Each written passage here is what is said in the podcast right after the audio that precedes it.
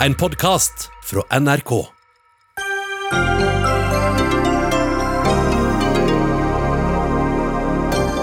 Ansettelsen av Nicolai Tangen som ny oljefondsjef ender i Stortinget. De fikk nemlig brev fra Norges, Norges Banks representantskap akkurat nå.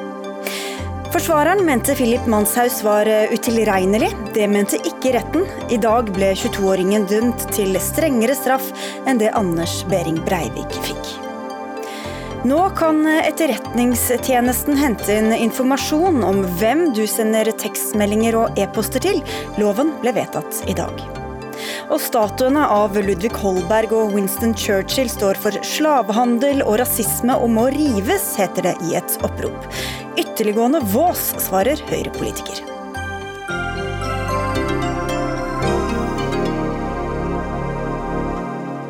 Vel møtt i Dagsnytt 18, hvor vi også skal innom en omstridt bokanmeldelse og et revidert nasjonalbudsjett. Jeg heter Sigrid Solund. Organet som skal føre tilsyn med Norges Bank, representantskapet, bringer ansettelsen av påtroppende oljefondsjef Nicolai Tangen inn for Stortinget. Det skjer i form av et brev som representantskapet har sendt til finanskomiteen på Stortinget nå rett før Dagsnytt 18 gikk på lufta. Og Julie Bråttkorp, leder for dette representantskapet, det ble offentliggjort for bare noen minutter siden. Hva er det viktigste som står i brevet? Det vi har gjort, er at vi har gått gjennom de merknadene vi sendte til hovedstyret den 11. Eh, mai. Og så har vi eh, sett på de svarene vi har fått fra eh, hovedstyret. Eh, og ut ifra det eh, så ser man jo hvor det er eh, forskjeller og hvor det ikke er eh, forskjeller. Og det har vært naturlig for eh, representantskapet Vi avslutter jo nå vår behandling av denne saken. Og da sto vi overfor et valg. Skal vi gjøre som ellers og vente til våren neste år med å rapportere dette til Stortinget, eller skal vi rapportere det nå? Men Betyr det at dere ikke var helt fornøyd da, med alle svarene dere har fått? Det betyr at uh, uansett uh, svar nå, uh, så er det naturlig for oss som et organ som er utnevnt av Stortinget, det er på vegne av de vi jobber ut ifra et fast mandat, at i en sak som har vært såpass omtalt, at vi rapporterer på ordentlig vis til de som har utnevnt oss. Men dersom det ikke var noen stor motsetning eller avstand mellom de spørsmålene og de svarene, så hadde dere vel ikke sendt det til Stortinget? Det hadde vært naturlig uansett å enten sendt det nå eh, eller i årsrapporten, for alt vi gjør av tilsyn, rapporteres til Stortinget. Det er de vi gjør det på vegne av. Men hva er det da Stortinget nå skal ta stilling til eller behandle? Hva Stortingets oppdrag er, er det ikke representantskapets eh, rolle å ha noen eh, mening om.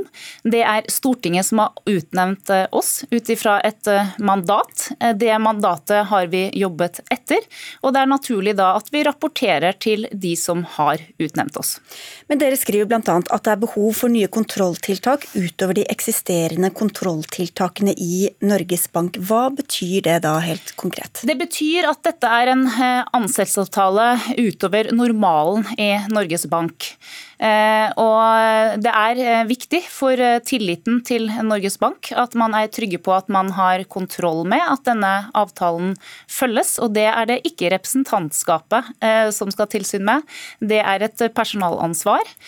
Og da ser vi at siden denne avtalen avviker fra andre ansettelsesavtaler i banken, så er det nødvendig at de ser på at man har tilstrekkelig med kontrolltiltak. Men kontrakten er underskrevet, ansettelsen er gjort. Hva kan Stortinget egentlig gjøre? Det er ikke opp til eh, representantskapet eller meg eh, å mene noe som helst eh, om hva Stortinget gjør. Vår oppgave er å gjøre det som Stortinget har satt oss til å gjøre, og det står klart i vårt mandat. Men dette kan du kanskje mene noe om, fordi denne kontrakten ble altså underskrevet og lagt fram før dere egentlig da var ferdig med deres behandling av saken. Hvordan ser dere på det? Det, det visste, altså vi var ferdig, Denne saken har jo gått i, i flere løp. våre våre mer, merknader eh, til eh, prosessen var jo ment som innspill nettopp i prosessen. Så er det helt naturlig. Hovedstyret er et selvstendig organ, og det er deres jobb å ta en beslutning om hvem de ansetter.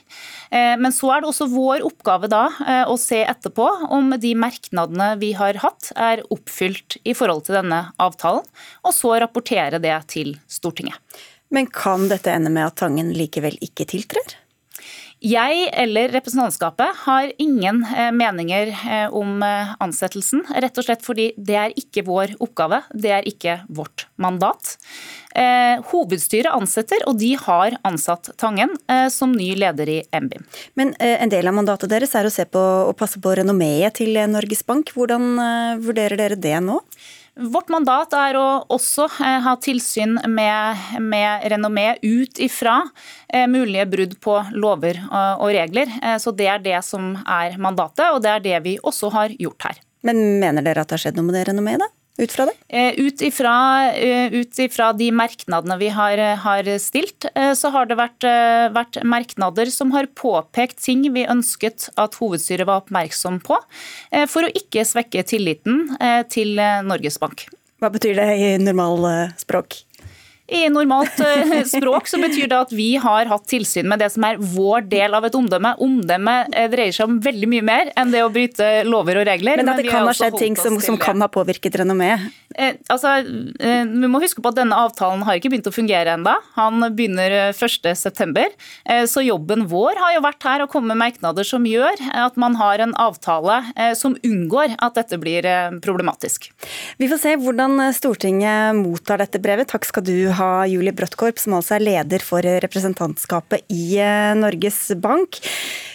Innholdet ble altså akkurat uh, offentliggjort. Det er vel et uh, omtrent 14 sider langt brev, så vidt vi har klart å telle. Men det er allerede kommet noen reaksjoner på selve det faktumet at representantskapet bringer dette inn for, for Stortinget. Eva Grinde, du er kommentator i Dagens Næringsliv.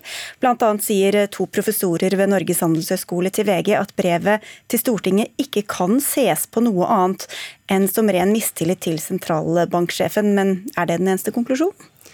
Eh, nå er ikke jeg kjent med akkurat hva, hvordan de begrunner det, så det var jo en ganske sterk uttalelse. Samtidig så, så, eh, spesielt etter å ha hørt på Bråttkorp her, så, så, er jeg også tilbøyelig til å være enig i at det viktigste her er at dette faktisk bringes inn for Stortinget, og ikke hva som står i det brevet. Og som du sier, det kom for noen minutter siden, så, og det er ganske egentlig altså Mitt første inntrykk er at dette er en oppsummering av hvordan representantskapet har eh, behandlet eh, denne saken. Eh, og de, de, de viser til de, kritiske, de, punktene de er kritiske til, og så viser de til svaret. Og så lar de det henge litt i luften om dette gapet eventuelt er et alvorlig gap eller ikke. Så de, overfører rett og slett problemet til Stortinget. Men, men det trenger ikke å være så dramatisk? Nei, eh, jeg eh, Altså, fordi for at dette skulle være dramatisk, så måtte det være en veldig kampvilje på Stortinget blant politikerne der og blant partiene. Og, og sånn som det ser ut nå, så er det jo Den fins egentlig ikke. Det er en vond og vanskelig sak. Man har ikke lyst til å gå til full krig mot Norges Bank. Altså, Tangen og Olsen har jo stått skikkelig side ved side her. Eh, og så lenge Øystein Olsen som sentralbanksjefen. Ja, Øystein Olsen, som jo da også er som da også leder eh, hovedstyret, og har ansatt eh, Tangen. Eh, de, har, altså de hadde jo en sånn oppvisning her for et par uker siden hvor de var sånn det, sånn, sånn, er det, sånn blir det, det har vi sagt hele tiden, og sånn er det. og da er det Da må Hvis politikerne skulle greie å stoppe prosessen med Tangen, så måtte de rett og slett ha avsatt hele hovedstyret også. Fordi det er dem er, altså Finansministeren har ikke noe med ansettelsen av Tangen å gjøre, det er det som blir sagt her. ikke sant? At Norges Bank har, har den rettigheten. Eh, sånn at hvis det ble en så alvorlig sak, så, ville det rett og slett bli så dramatisk at de måtte, eh, de må, da måtte hele ledelsen ha gått i tillegg. Men det kan sette, altså fordi Forrige gang etter, da, da, avtalen ble kjent, så ble den jo fredet av Fremskrittspartiet, som mm. var litt sånn eh, tunga på vektskålen. Men nå må de jo forholde seg til det på nytt, og på en litt annen måte enn det de har måttet så langt? Ja, det, det må de. Og Senterpartiet jo, har jo vært ute flere ganger, og senest i dag til NTB, og sagt at vi ønsker å ha en høring om denne saken. Og kan, da kan det selvfølgelig komme fram nye ting. Det har jo vært en veldig levende sak de månedene den har pågått. Og, og, og det skal jo være uansett en, en, en, høring om den ordinære rapporten fra representantskapet i september. Og det som er sannsynlig da, er jo at denne blir lagt til som en del av, av den høringen. Og da, da er det jo klart, da kan det jo bli Da kan jo saken komme i spill igjen. Det har jo vært mange elementer som har vært oppe og blitt diskutert her. Selve ansettelsesprosessen, det har vært hemmelighold av navn, og så er det hele denne avtalen nå hvor, hvor eh, vanntett eh, skottet er mellom Tangen og hans privatøkonomi og oljefondutøvelsen, eller sjefutøvelsen. Hva nøyaktig er det Stortinget skal egentlig forholde seg til? Eh, jeg tror de er nødt til å sette seg ned og vurdere om de synes dette er store nok eh, problemer. Altså Hovedproblemet er og blir eh, dette som Tangen gikk så bramfritt ut og sa at jeg har kuttet alle bånd til AKO. Og så viste det seg at det har han ikke. Han er fortsatt hovedeier og har fortsatt interesser i hvordan det går med AKO-fondene. Og sånn som veldig mange eksperter og kommentatorer ser det, så er det veldig vanskelig å kunne forsikre seg om at han ikke får informasjon som kan være nyttig i, i stillingen som oljefondsjef. Mm. Ikke dermed sagt at han vil misbruke det, men hele poenget her er jo at man ikke skal kunne reise den mistanken. Vi får gi eh, dem et par timer til å lese brevet og se hva slags reaksjoner som kommer. Takk skal du ha for at du kom også i denne runden, Eva Grinde fra Dagens Næringsliv.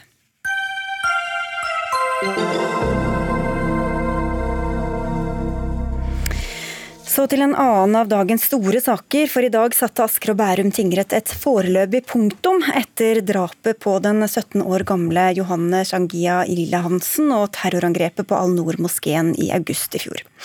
Retten dømte Philip Manshaus til 21 års forvaring med 14 år minstetid. Med andre ord var ikke dommerne enige med forsvareren til Manshaus, som altså mente at han var utilregnelig og følgelig ikke kunne dømmes. Kommentator i Dagbladet Martine Aurdal, du har, fulgt eh, rettssaken. Allerede i mai så skrev du en kommentar med tittelen 'Et mulig justismord'.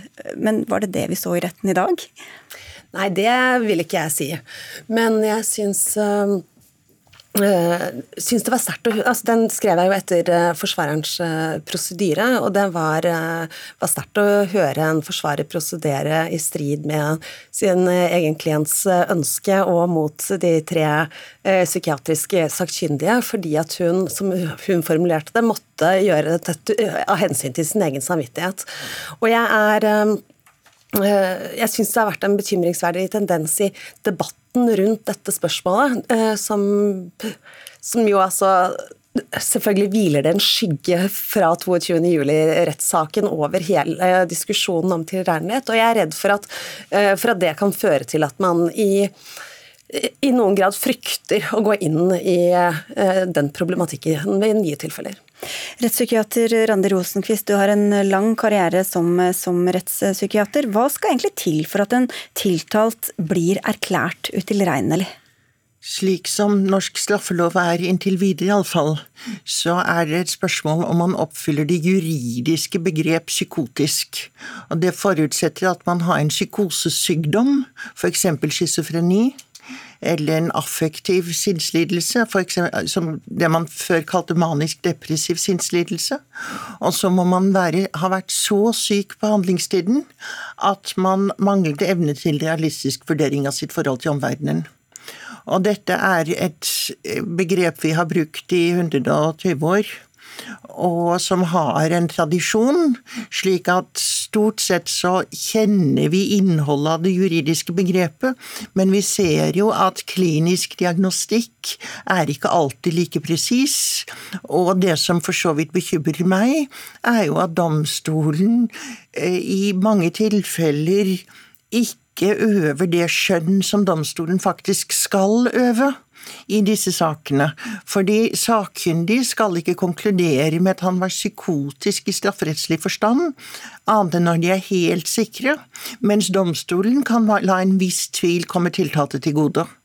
Så, og der, der ser jeg at domstolen ofte skriver av de sakkyndige.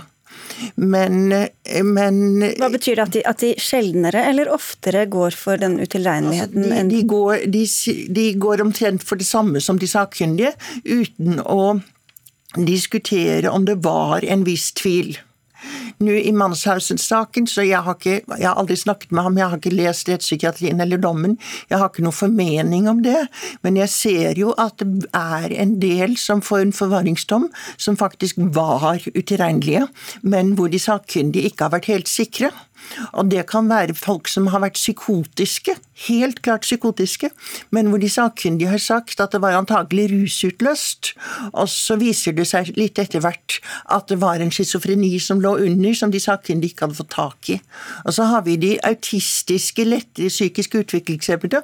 For, for 50 år siden hadde vi kalt dem sinnssyke, men nå har vi en, en mer nyansert diagnostikk, og så blir de oppfattet som tilregnelige, selv om de virkelig ikke skjønner hva de holder på med. Men i, de, i denne saken med Manshaug så har jo han gitt uttrykk for en ganske ekstrem ideologi. Han har snakket om at det var nødvendig å drepe den 17 år gamle søsteren for å beskytte foreldrene i en framtidig rasekrig i Norge. Skillelinjene her mellom psykiatri og dette ekstremistiske tankegodset, Aurdal, hvordan ser du på det? Ja, Det er jo akkurat det som er vanskelig. Eh, som Rosenkvist sier, så er det jo opp til rett retten å bedømme om eh, en gjerningsmann er utilregnelig eller tilregnelig. Men eh, svært ofte så lener jo dommerne seg tungt på de sakkyndige og følger nesten alltid eh, deres anvisninger. Og mens Rosenquist her refererer til det juridiske begrep psykotisk, så har jo dommen i dag referert til det medisinske begrep psykotisk. Og det viser jo noe av dette dilemmaet. For å forstå om en høyreekstremist også er psykotisk eh, og utilregnelig, så må man jo gå mye dypere inn i det høyreekstreme tankegodset enn det jeg opplever at, at mange gjør i disse tilfellene. Nettopp for å kunne skille om enkelte av disse forestillingene skiller seg fra hva massen av høyreekstreme eller de i det miljøet mener. Da. Ja, for Det var jo også helt essensielt etter 22.07., eller i rettssaken der. Og Jeg er jo enig i at ekstremister, om de er politiske eller religiøse ekstremister, de kan jo også bli psykotiske. Men da må de antagelig bli psykotiske på mange flere typer symptomer enn bare helt sprø ideer. Ja, for Det vi tenker på, eller mange vil tenke på som vrangforestillinger, det er ikke nok eh, til å være utilregnelig på den måten? Det er mange amerikanere som tror at jorden bokstavelig talt ble skapt for 6000 år siden, for det står det i Bibelen. Og de er jo ikke psykotiske av den grunn. Men det kan likevel være at noen av disse religiøse fanatikerne blir psykotiske. Men da må de ha også andre symptomer. Og jeg, jeg tror at europeisk og amerikansk psykiatri har vært lite villig til å utdype når blir ekstremister syke. Og det tror jeg er fordi at vi har vært så redd for å gjøre sånn som i Sovjet, at vi legger inn politisk opposisjonelle i psykiatrien. Men jeg vil jo si at de aller fleste som er i et meget spesielt meningsfellesskap, de er jo ikke psykotiske. Men denne debatten fikk vi jo veldig under forrige, eh, den forrige rettssaken etter 22.07, men vi har ikke hatt den i så stor grad nå, Aurdal. Men hva tror du hva skjedde med hele eh, synet på disse sakkyndige, og hvordan domstolene forholder seg til dem etter den forrige runden? Altså, vi husker jo alle hvor opprivende den eh, debatten var, og den ligger jo som et traume over hele rettsmedisinen fremdeles, og kaster lange skygger innover denne rettssaken, som på mange måter ligner, helt uten tvil. Eh, og det har jo fra, altså, Gjennom disse årene har det vært store diskusjoner om dette, både i det rettsmedisinske miljøet og, i, og blant uh, jurister. Uh, hvor man har bl.a. vært bekymret for uh, hvordan de sakkyndige skal kunne uttrykke tvil uten å forvirre retten. Og Dette er, er, vanskelige spørsmål, men så har det jo blitt en sånn polarisering i offentligheten rundt disse spørsmålene, hvor man på den ene siden frykter at sykeliggjøring av ekstremister vil um, frata det politiske potensialet i det, eller at man da ikke lenger kan kritisere høyreekstremismen i terrorangrepet. Og på den andre siden at vi ser meningsfeller prøve å avskrive gjerningsmenn som enslige gærninger. Mens ingen av delene er jo selvfølgelig sant. Altså man kan jo både være ekstrem og syk samtidig. Hvordan tror du at den forrige rettssaken har påvirket rettssikkerheten? Jeg tror nok at folk har vært redde for å gå inn i det. Men jeg tenker at Breivik-saken var jo ikke noe skandale i det hele tatt. Breivik-saken viste at systemet faktisk virket. Her var det fire sakkyndige som mente to forskjellige ting. Og det var en domstol som tok en omfattende vurdering og konkluderte hva domstolen mente.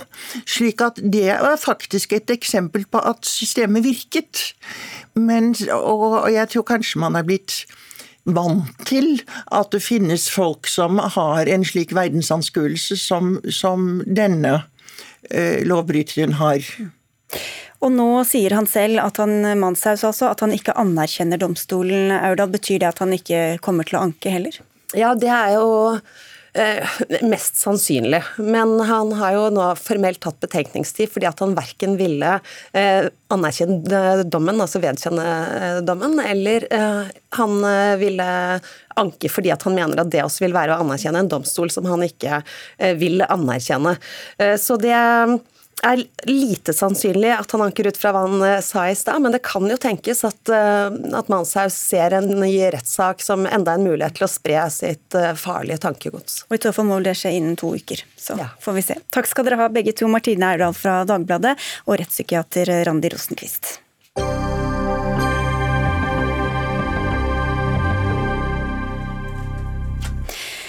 Hvordan er det mulig av Aftenposten å sette en så dårlig anmeldelse på trykk? Det spør forlagssjef Kari Marstein i Gyldendal om i en kronikk i samme avis. Bakgrunnen er avisas anmeldelse av Wenche Milhausens nye bok 'Redd deg selv, lille hjerte'. Boka reflekterer både over kjærlighet, over aldring og hva det vil si å ikke lenger bli elsket eller ikke bli begjært. Og Kari Marstein, hva er det Aftenpostens anmelder ikke har skjønt ved denne boka? Veldig mye, syns jeg. Eh, problemet med anmeldelsen er jo ikke dommen av den, det er veldig viktig å si, eh, men at eh, anmelderen overhodet ikke begrunner den, og ikke i boka. Det virker som han anmelder kanskje virkeligheten i stedet. Og Boka som du sier, handler om kjærlighet. Det handler om å bli forlatt av mannen du har vært sammen med i 40 år, og som du elsker, og som forlater deg for en yngre kvinne. Og så sier anmelderen at menn foretrekker yngre kvinner. Det er en klisjé som svekker boka, skriver han. Og altså Alle kan synes at den klisjeen er veldig irriterende, men det er allikevel noe vi opplever som sant ved virkeligheten, da, et fenomen ved virkeligheten. Og at uh, men faktisk foretrekker yngre kvinner, kan jo ikke være noe som svekker romanen. Men jeg vil tro det er ganske mange anmeldelser dere irriterer dere over i løpet av et år, så denne må jo ha skilt seg veldig ut? Ja, den gjør det. Det er klart vi, eh, vi er vant til å få alle typer anmeldelser, både positive og negative. Og selv om vi kanskje liker de positive best, så, så, mener vi at det er veldig viktig at anmelderne er uavhengige, og at de argumenterer godt for det de sier.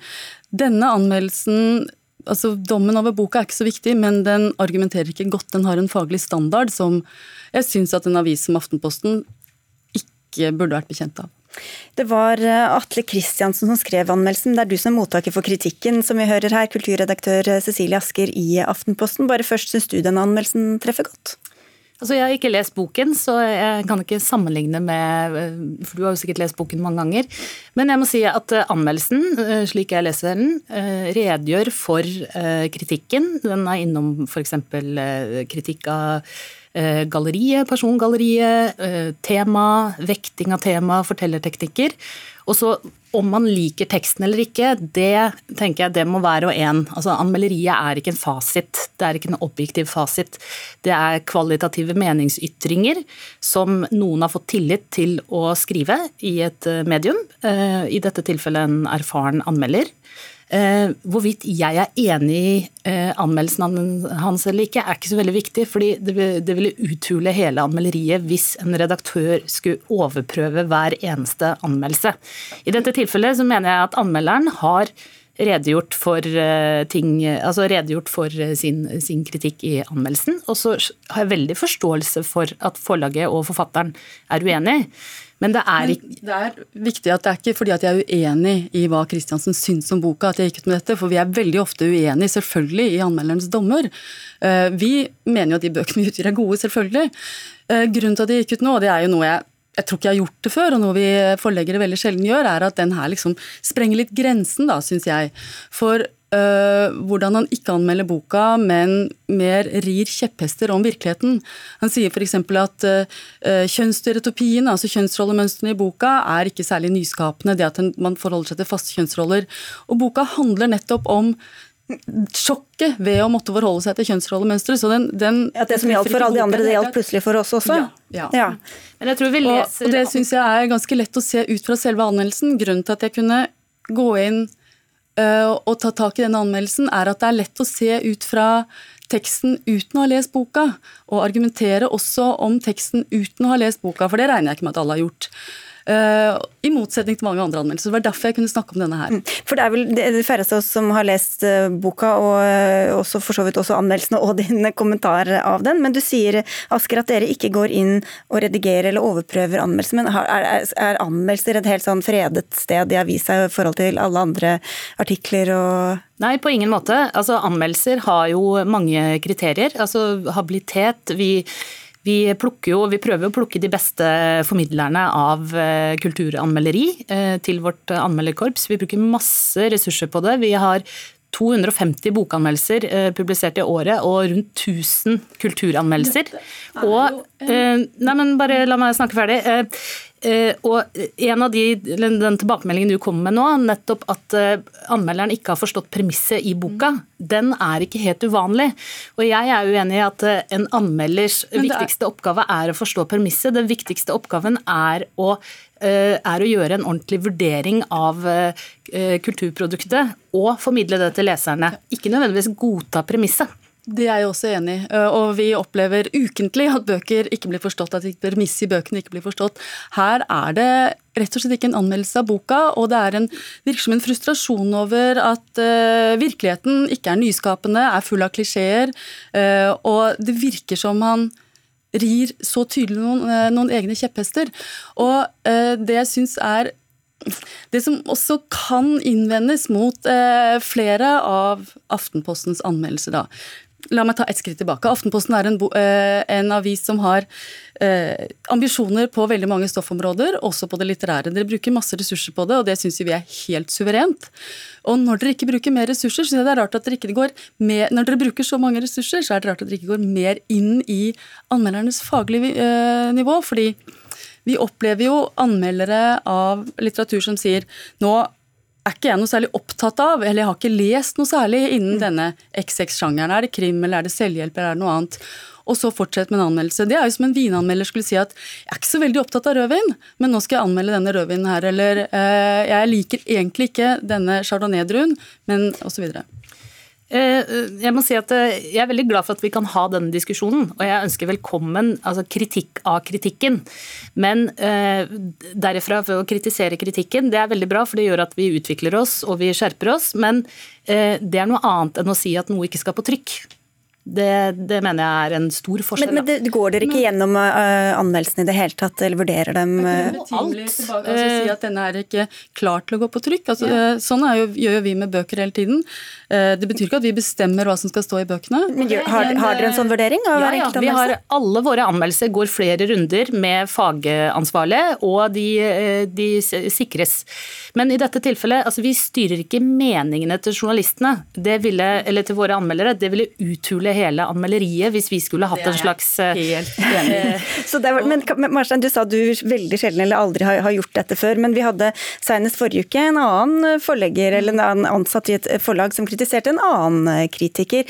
Hva gjør det med kritikernes frie posisjon hvis de skal bli kan det bli satt under press? Jeg vil gjerne understreke igjen at jeg overhodet ikke er opptatt av å eh, påvirke anmeldernes dom, men anmelderne har en veldig stor makt. Det syns vi de skal ha. De skal stå helt fritt til å komme med negative eller positive vurderinger av en bok. Men vi ønsker at siden disse vurderingene er så subjektive, og det må de være altså enhver bok De fleste bøker får både positive og negative anmeldelser. Det sier seg jo selv da at det ikke finnes en egen sannhet om denne boka. Men øh, i og med at dette er subjektivt, så regner vi med at vi møter anmeldere som har erfaring, og som har referanser, og som klarer å gjøre rede for disse innenfor ikke sant, holde den eh, offentlige samtalen rundt litteratur i live. Da. Ok, skal få avslutte, Asker. Eh, vi vet at våre anmeldere har en mektig plattform, og derfor så vi, har vi også høyt under taket når det gjelder å få kritikk. Og sånn, I dette tilfellet så fikk jo du også prominent plass hos oss til å kritisere en anmelder hos oss. Så den kritikken ønsker vi velkommen, men vi er litt uenige. Begge fikk plass her, og tusen takk skal dere ha for at dere kom. Cecilie Asker, kulturredaktør i Aftenposten og forlagsredaktør for skjønnlitteratur i Gyldendal. Arendal, Kari Marstein.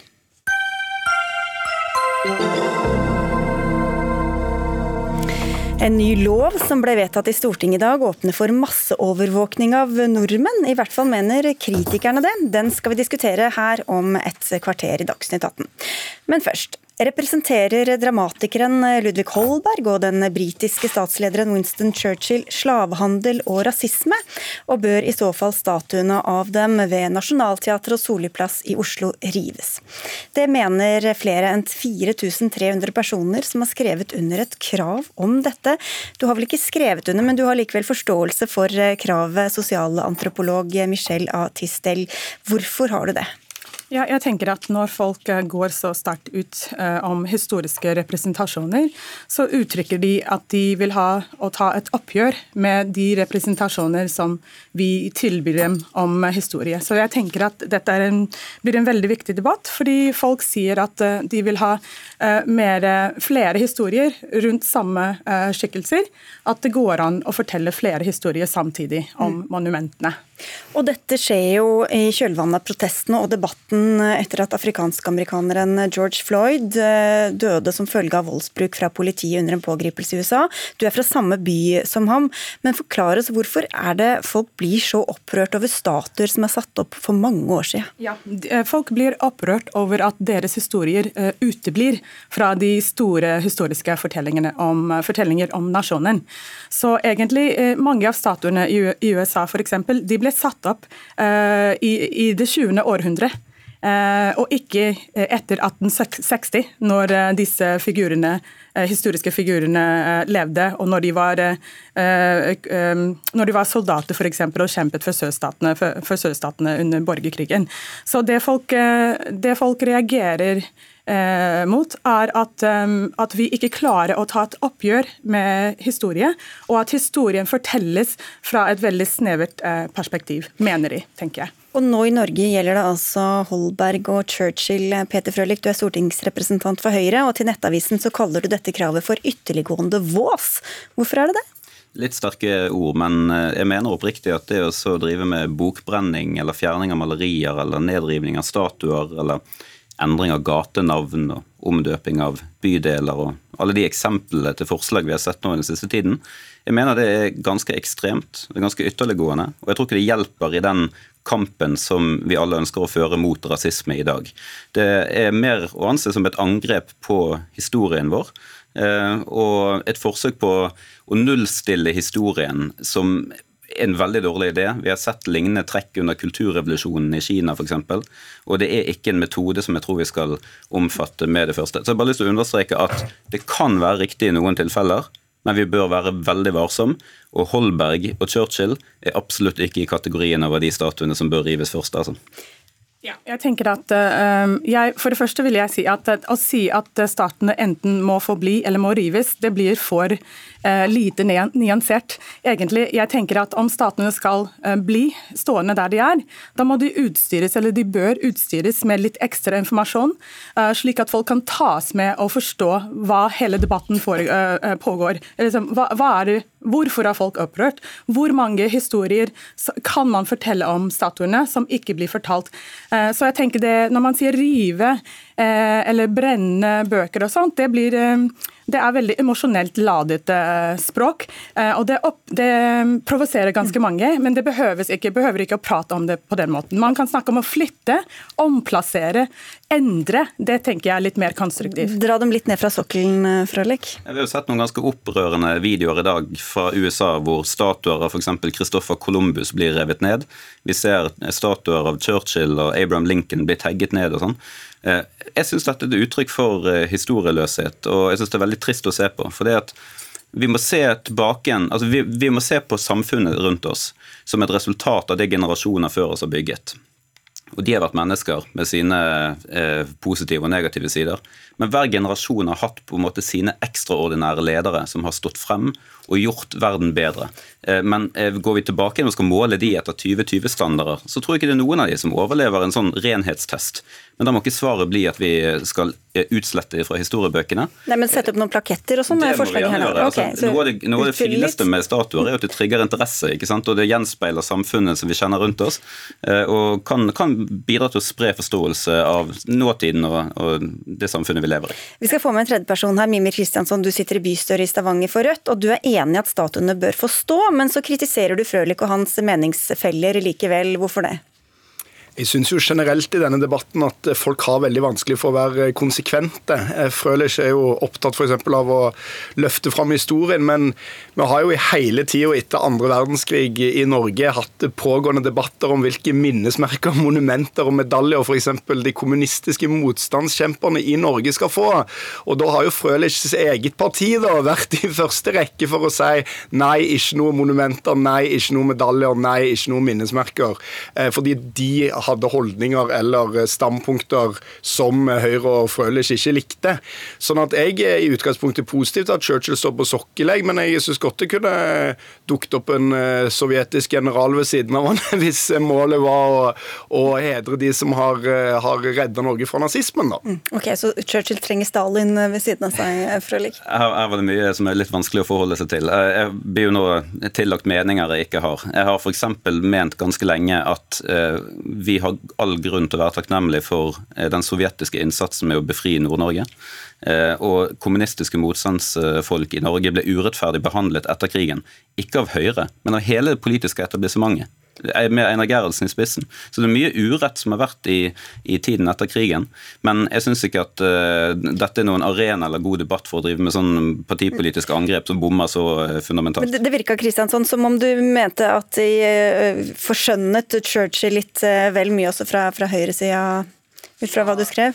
Ja, Når Peter Frølich sier i dag at Churchill er den enkeltpersonen i verdenshistorien som har bidratt mest mot rasisme, så syns jeg det er relativt forskjønnende. og Da, da hopper du litt ja, jeg tar det, tar det, sitatet, jeg. Og poenget mitt er at Churchill var jo en rasist. Det er det jo ingen tvil om. sånn at akkurat det trenger man ikke være uenig om. Det er bare å lese det Churchill har sagt om inder, om afghanere, om irakere, om jøder for den del.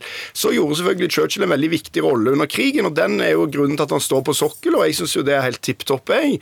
Men jeg bare mener, som òg eh, du var inne på tidligere, Tistel, at det er jo andre historier som konsekvent blir underkommunisert og ikke fortalt. Og et eksempel bare fra statuepolitikk, da. Her i, i min hjemby Stavanger så har vi vel nøyaktig to eller tre kvinner på sokkel i hele kommunen, mens vi har jo over 20 ulike dyr på sokkel. Sånn at eh, det er jo eh, åpenbart noen historier Vi burde kanskje få mange flere monumenter, da, egentlig. Mm. Jeg vil også si at uh, Historie er ikke fastsatt, den er flytende. Det må skrives om og om og om igjen. Hver generasjon får lov til å skrive om fortid og skrive om historie ut ifra nye kilder, og nye perspektiver og nye kunnskap. Og Churchill er litt vanskelig for meg også, fordi egentlig han var uh, han, uh, han Jeg kan si det sånn han var ikke så interessert i at afrikanerne, etiopiere og andre som ble berørt av andre verdenskrig, skulle få samme mulighet til å ha gjenoppreisning. Eh, og, og, de ble på en måte uh, utelukket uh, etter, under, etter andre mm. verdenskrig, mm. når det var krigsoppgjør. ikke mm. sant?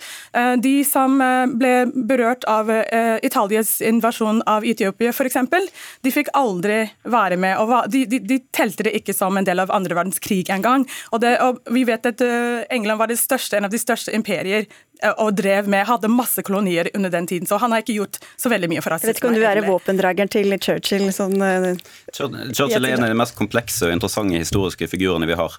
Eh, det siste vi bør gjøre, er å gjemme denne statuen vekk på et, på et, museum.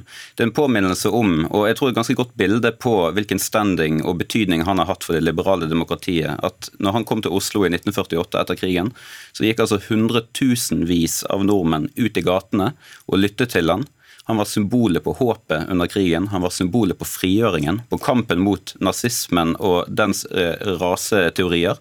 Eh, det kan vi ikke slette ut fra historien bare fordi at han i dag ikke overlever en renhetstest opp mot 2020-verdier. Da sammenligner vi USA og Norge her. Vi har ganske ulik historie og er forskjellige land. Hvor, hvor, hvor nyttig er den sammenligninga egentlig? Jeg syns det er veldig, veldig nyttig, fordi um, det er egentlig den samme argument, den samme debatt, den samme konflikten. Folk vil ha og ta et oppgjør med historieforståelse og historieskriving. Og for hver historie vi har som vi holder veldig høyt, så finnes det en motpole og en annen historie. Og det, Vi trenger begge, og vi trenger flere for å ha en nyansert og, og altså bedre historieforståelse, rett og slett. Og så imens får dere bytte ut litt dyr med russiske soldater i Stavanger, Kristiansson. det skal vi vurdere å gjøre. Men eh, jeg er jo enig i det Frølich beskrev om Churchill nå, men han beskriver bare den ene halvparten. For Churchill kjemper mot Hitlers raseteorier, men han hadde sine egne raseteorier òg, og de var ikke spesielt eh, vakre å se på, de. Imens er det altså slik at eh, et motopprop om å beholde statuene har fått over 1200 underskrifter. Vi har også forsøkt å komme i kontakt med personen som står bak den opprinnelige underskriftskampanjen i dag. Vedkommende har ikke svart på våre henvendelser, men det gjorde dere. Takk skal dere ha alle tre. Michelle Tistel, Peter Frølich og Mimir Kristiansson. Hør Dagsnytt 18 når du vil. Radio NRK Radio.nrk.no.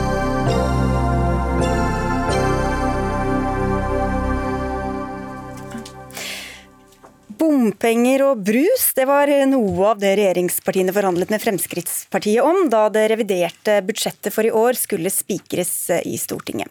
I ettermiddag ble de enige, men hva ble de enige om? med Magnus Takvam, politisk kommentator her i NRK. Ja, det var, jeg var jo der og hørte på pressekonferansen, og det var nok Sylvi Listhaug som smilte penest og mest av de som sto lina opp der. Og det ble jo et Frp-stempel, for å svare kort på på, på det du spør om. De, de forandret på og la på 4,3, nesten 5 milliarder kroner, og det er jo relativt mye i en revidering av budsjettet. Eh, når det er Frp-stempel, så er jo grunnen at man reduserer avgiften på sukker på uh, alkoholfrie drikker, altså med over 400 millioner. En type bompengepakke der man reduserer bompengegjeld. Eh, med 500-600 eh, millioner kroner eh, osv. Så videre. sånn at de fikk gjennomslag for det, omtrent alt det de krevde av den typen typiske Frp-saker i dette budsjettet. Hva gikk det utover, da? Nei, Det som er skal vi si, fordelen i en sånn, sånn situasjon vi er nå, er at det, det, ble rett og slett ikke dekket inn, eller det ble ikke kuttet tilsvarende på andre, andre, poster. Det ble noen reduksjoner, jeg tror det var kanskje 700 millioner i kutt, men altså 5 milliarder i, i påplussinger, så, så, det ble å bruke oljepenger, da. Ja, og pengene sitter jo løst uh, om dagen. Stortinget har hatt veldig mye å gjøre med krisetiltak og diverse pakker, så hvordan har det preget arbeidet med det reviderte budsjettet? Det er klart at For finanskomiteen, som, eh, som har diskutert eh, revidert budsjett, så har det vært utrolig arbeidskrevende, og selvfølgelig også for regjeringen og Finansdepartementet osv. i den krisesituasjonen som vi har hatt siden eh, februar-mars. Eh, Eh, den siste store prosessen som var, ble avsluttet rett i forkant av revidert, var jo denne store eh, petroleumspakken, for å si det sånn, med, en, med, et voldsomt politisk konfliktnivå. Og jeg vil si eh, konsekvensene og vedtakene i den pakken har mye større sprengkraft og betydning enn dette reviderte budsjettet isolert sett.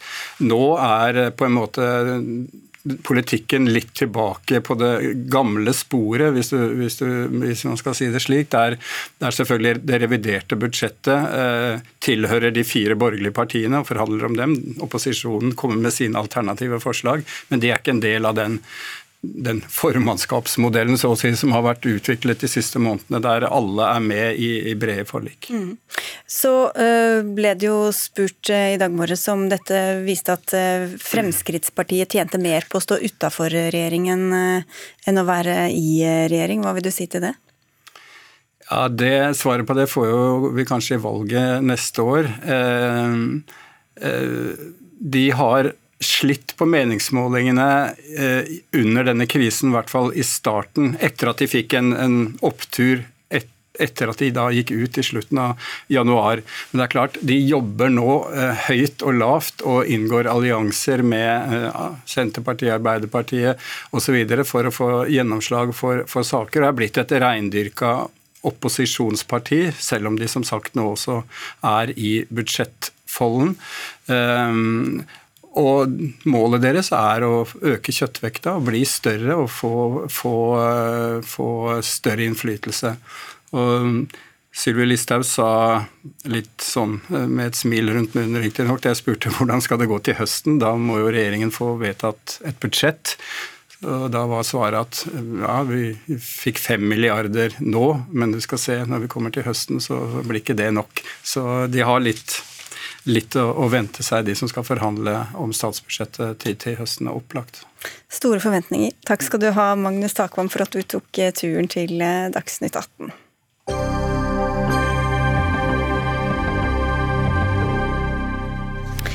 Det har skjedd mer på Stortinget i dag. Eh, Stortinget vedtok i dag en lov som åpner for at den militære etterretningstjenesten kan drive med masseinnhenting og lagring av metadata.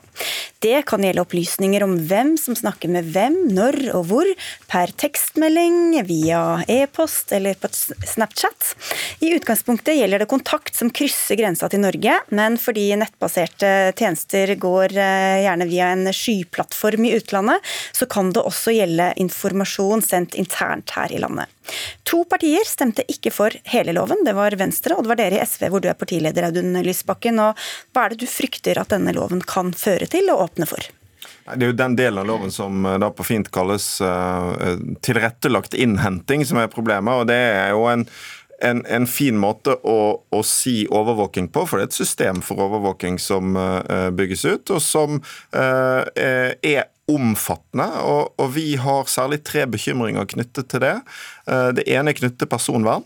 Eh, Datatilsynet bl.a. har hatt sterke innvendinger eh, i høringer på Stortinget. Det andre er knyttet til ytringsfrihet og den offentlige samtalen, altså frykten for at vissheten om muligheten for den typen overvåking kan føre til at, at en del mennesker blir mer forsiktig med hvor de ytrer seg og hvordan.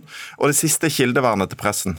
Faren for at eh, denne typen innsamling av data vil kunne bidra til å avsløre kilder, gjøre det vanskeligere for journalister å få tak i kilder.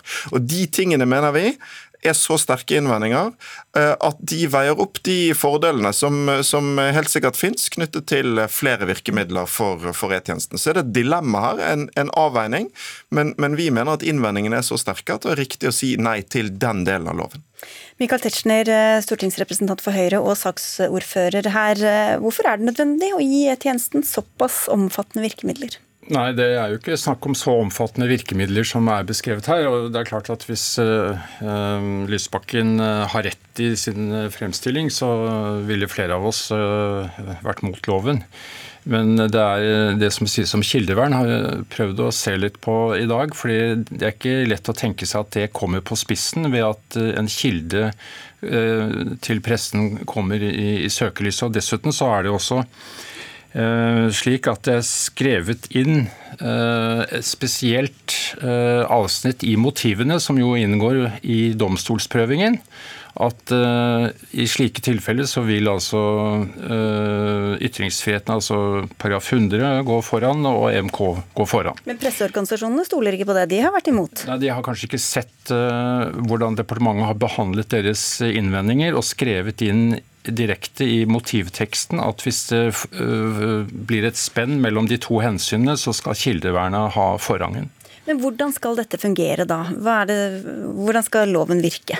Jo, altså, øh, Hvis kildevernspørsmål skulle bli satt på spissen, så skal det altså den ø, høye terskelen som er satt i loven for også annen innhenting av informasjon fra de, fra de datamengdene som er lagret men som man ikke umiddelbart gir etterretningstjenesten eller politiet adgang til. Og Da er det altså eksterne, det er domstolene til dels, og uh, det er også EOS-utvalget. Det er altså folk utenfor Etterretningstjenesten som sier at ja, vi må godkjenne målsøk, og senere, hvis de skal hente ut informasjon om enkeltpersoner eller enkeltbedrifter i Norge, så må dere ha en rettskjennelse. og Da er det denne loven som også er begrensningene for det Etterretningstjenesten kan gjøre. Så det er ikke fritt fram her, Lysbakken?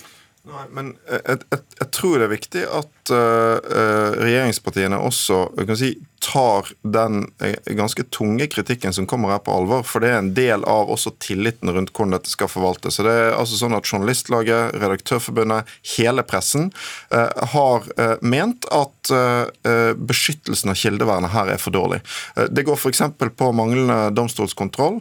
altså at om en oppdager at en håndterer opplysninger som kan avsløre en kilde, så er det, sånn som loven er foreslått, eller vedtatt i dag, da, departementet som skal avgjøre om sikkerhetshensyn tilsier at, at kildevernet kan settes til side. Der mener pressen, og vi mener, at domstolene burde vært koblet inn. Vi, vi lar bare med pressen ligge litt, for det er flere andre elementer her også. Lise Lyngsnes Randeberg, du er president i Tekna, som også er Norges største forening av akademikere. Um, Lygne... Ja, jeg sa det riktig, tror jeg. Det ble riktig. Det ble riktig. For dere sier altså i deres høringssvar at de samfunnsmessige ulempene er så store at dere ikke kan stille dere bak dette lovforslaget. Så, og, og hva er de ulempene? Ja, altså For det første så må jeg jo støtte det Lysbakken sier om personvern og nedkjølingseffekt. Vi ser jo egentlig etiske konsekvenser av den typen, men så ser vi også noen teknologiske utfordringer med det her. Og Teknas medlemmer er jo den gruppa som utvikler og drifter denne typen systemer også. Vi har masse intern kompetanse som vi har brukt i, i, i, da vi skrev den høringsrapporten. Du kan si det blir dyrt, det er vanskelig. Vi lager et veldig invaderende system. I prinsippet så betyr det forslaget om tilrettelagt innhenting at vi bygger en løsning som muliggjør total overvåking av den norske befolkning. Det finnes ingen teknologiske hindre for det. Det finnes juridiske hindre, det finnes moralske og etiske, men ingen eh, tekniske. Så kan du si vi, Hvis systemet skal samle inn metadata, det er ikke klart definert i loven hva metadata betyr, men typisk så vil det bety hvem du har snakka med, når, hvor lenge og hvor ofte. Men ikke innholdet, men da bruker dere et eksempel om at f.eks. hvis en kvinne har kontakt med en abortklinikk, så sier det ganske mye mer enn bare hvilke telefonnumre som har vært utviklet. Ja, og så kan vi jo se på den saken eh, NRK har hatt oppe nå i det siste, med apper som sporer hvor folk er. Og så ser vi hvor mye informasjon bare det kan medføre. Her kan du avsløre politiske, seksuelle preferanser. Du kan eh, avsløre ganske mye sårbar informasjon gjennom metadata. Det er helt riktig at, eh, at, metadata eh, gir mer og mer informasjon. og Det er derfor heller ikke lagt opp til at det er fritt frem metadata.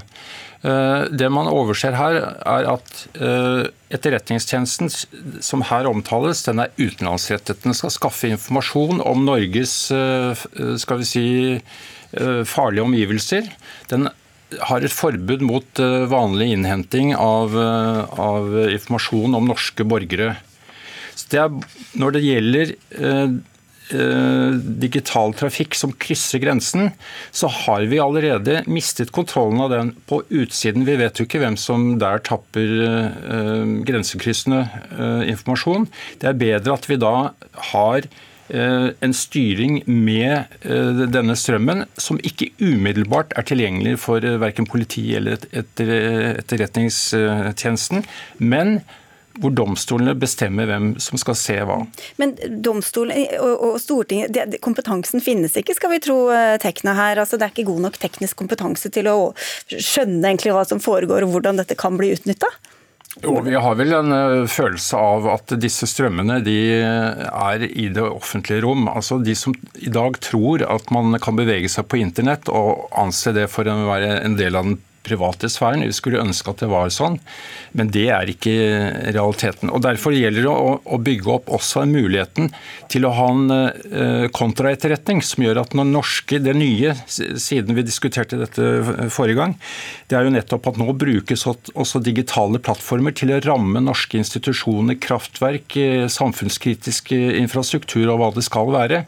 Og, det, og Da må det også være mulig å snu seg og se hvor kommer disse strømmene fra. Hvor kommer fake news fra fra utsiden? For det er det som er etterretningstjenestens formål.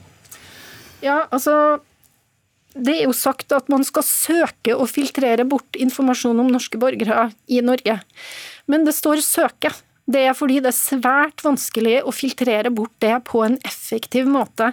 Generelt så kan du si at uh, internettrafikk inneholder egentlig ikke den informasjonen du trenger for å gjøre den filtreringa på en effektiv måte. Så her vil det lagres informasjon om kontakt mellom nordmenn i Norge. Og så kan du jo stille spørsmålet vil denne løsningen bli effektiv? Det finnes ikke godt begrunna Eh, vitenskapelig prøvd bevis for at det faktisk virker. Og i dag, i går så ble det publisert et opprop eh, som er signert 700 av landets fremste IT-eksperter, hvor de sier at eh, det her kommer ikke til å virke. Jo, men, men, til det dere begge snakker om også denne såkalte nedkjølingseffekten, at folk vil bli engstelige for bare den potensielle potensialet at man kan bli tatt for et eller annet, Lysbakken. Når vi vet hvor overvåka vi allerede er, og hvor slepphendte vi er, hvor, hvorfor tror du at den vil, vil, virke så mye inn på vanlige menneskers atferd?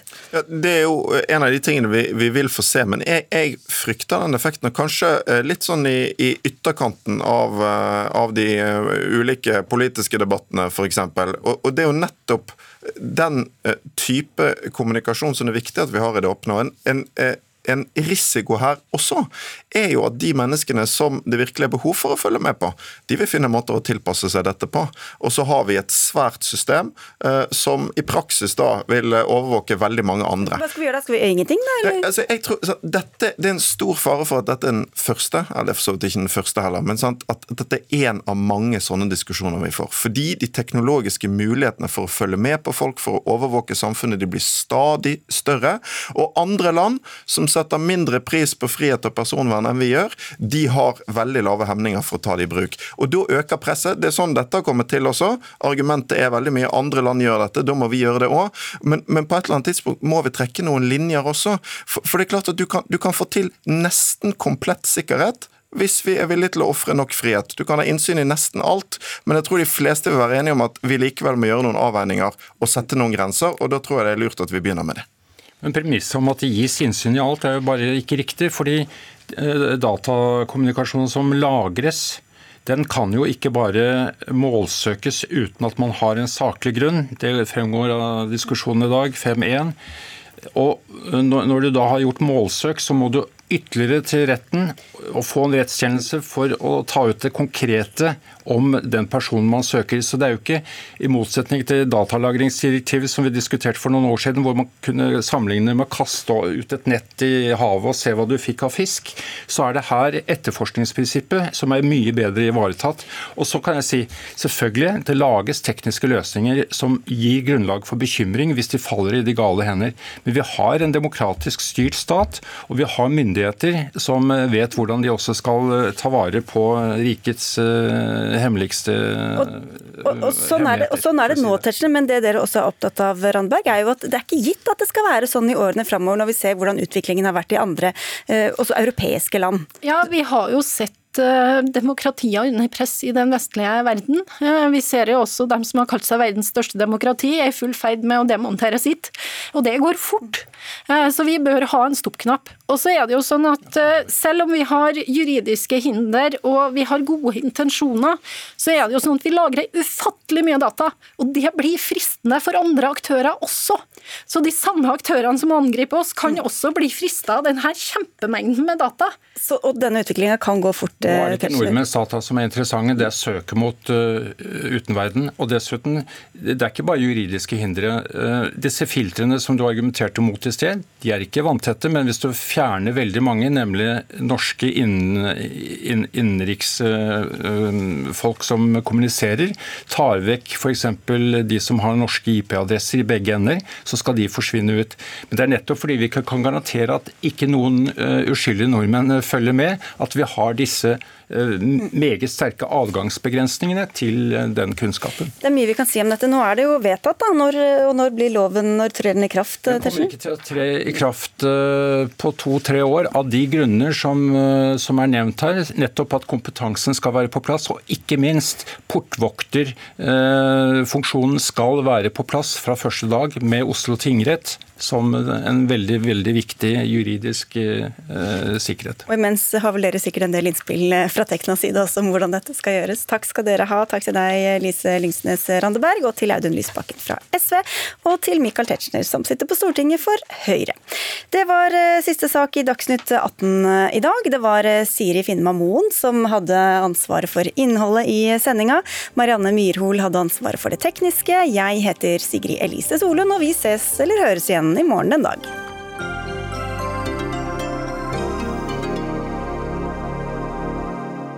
Du har hørt en podkast fra NRK. Hør flere podkaster og din favorittkanal i appen NRK Radio.